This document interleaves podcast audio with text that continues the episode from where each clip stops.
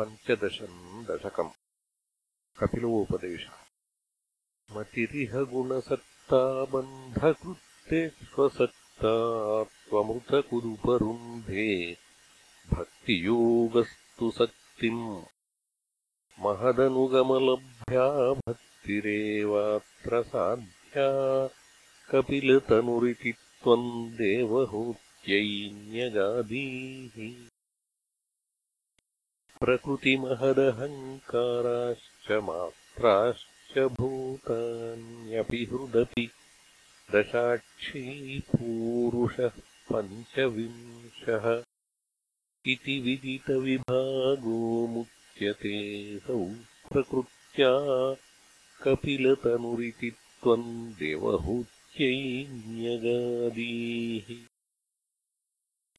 प्रकृतिगतगुणौघैर्नाद्यते पूरुषोऽयम् यदि तु सजति तस्यान्तर्गुणास्तम् भजेरन् मदनुभजनतत्त्वालोचनैः साप्यपेयात्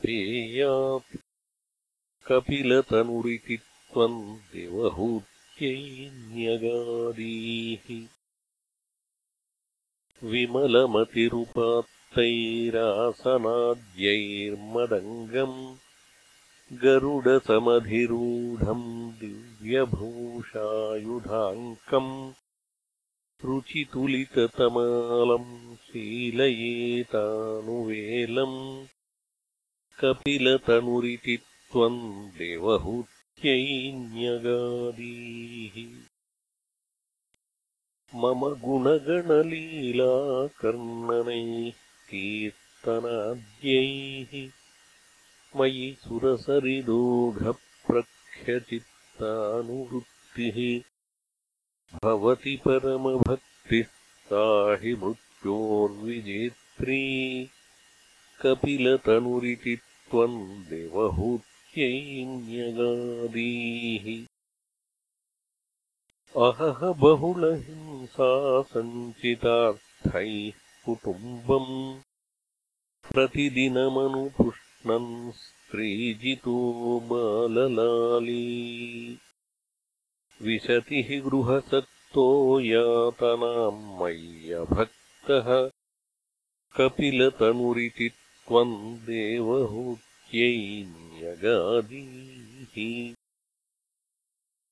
युवतिजठरखिन्नो जातबोधोऽप्यकाण्डे।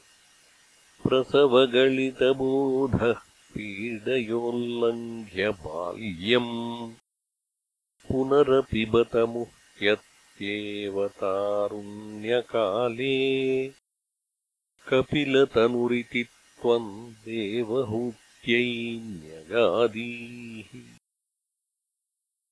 पितृसुरगणयाजीधार्मिको यो गृहस्थः। स च निपतति काले दक्षिणाद्धोपगामी। मयि निहितमकामम् कर्म तोदक्पदार्थम् कपिलतनुरिति त्वम् देवहूत्यैन्यगादीः इति सुविदितवेद्याम् देव हे देवहूतिम् कृतनुतिमनुगृह्य त्वम् गतो योगिसङ्घैः विमलमतिरथासौ भक्तियोगेन मुक्ता। त्वमपि जनहितार्थम् वर्तसे प्रागुदीत्याम् परम किमु बहूत्या त्वत्पदाम्भोजभक्तिम् सकलभयविनेत्रीम् सर्वकामोपनेत्रीम् वदसि खलु दृढम् त्वम् तद्विधूयामयान्मे गुरुपवनपुरेश त्वय्युपाधत्स्वभक्तिम्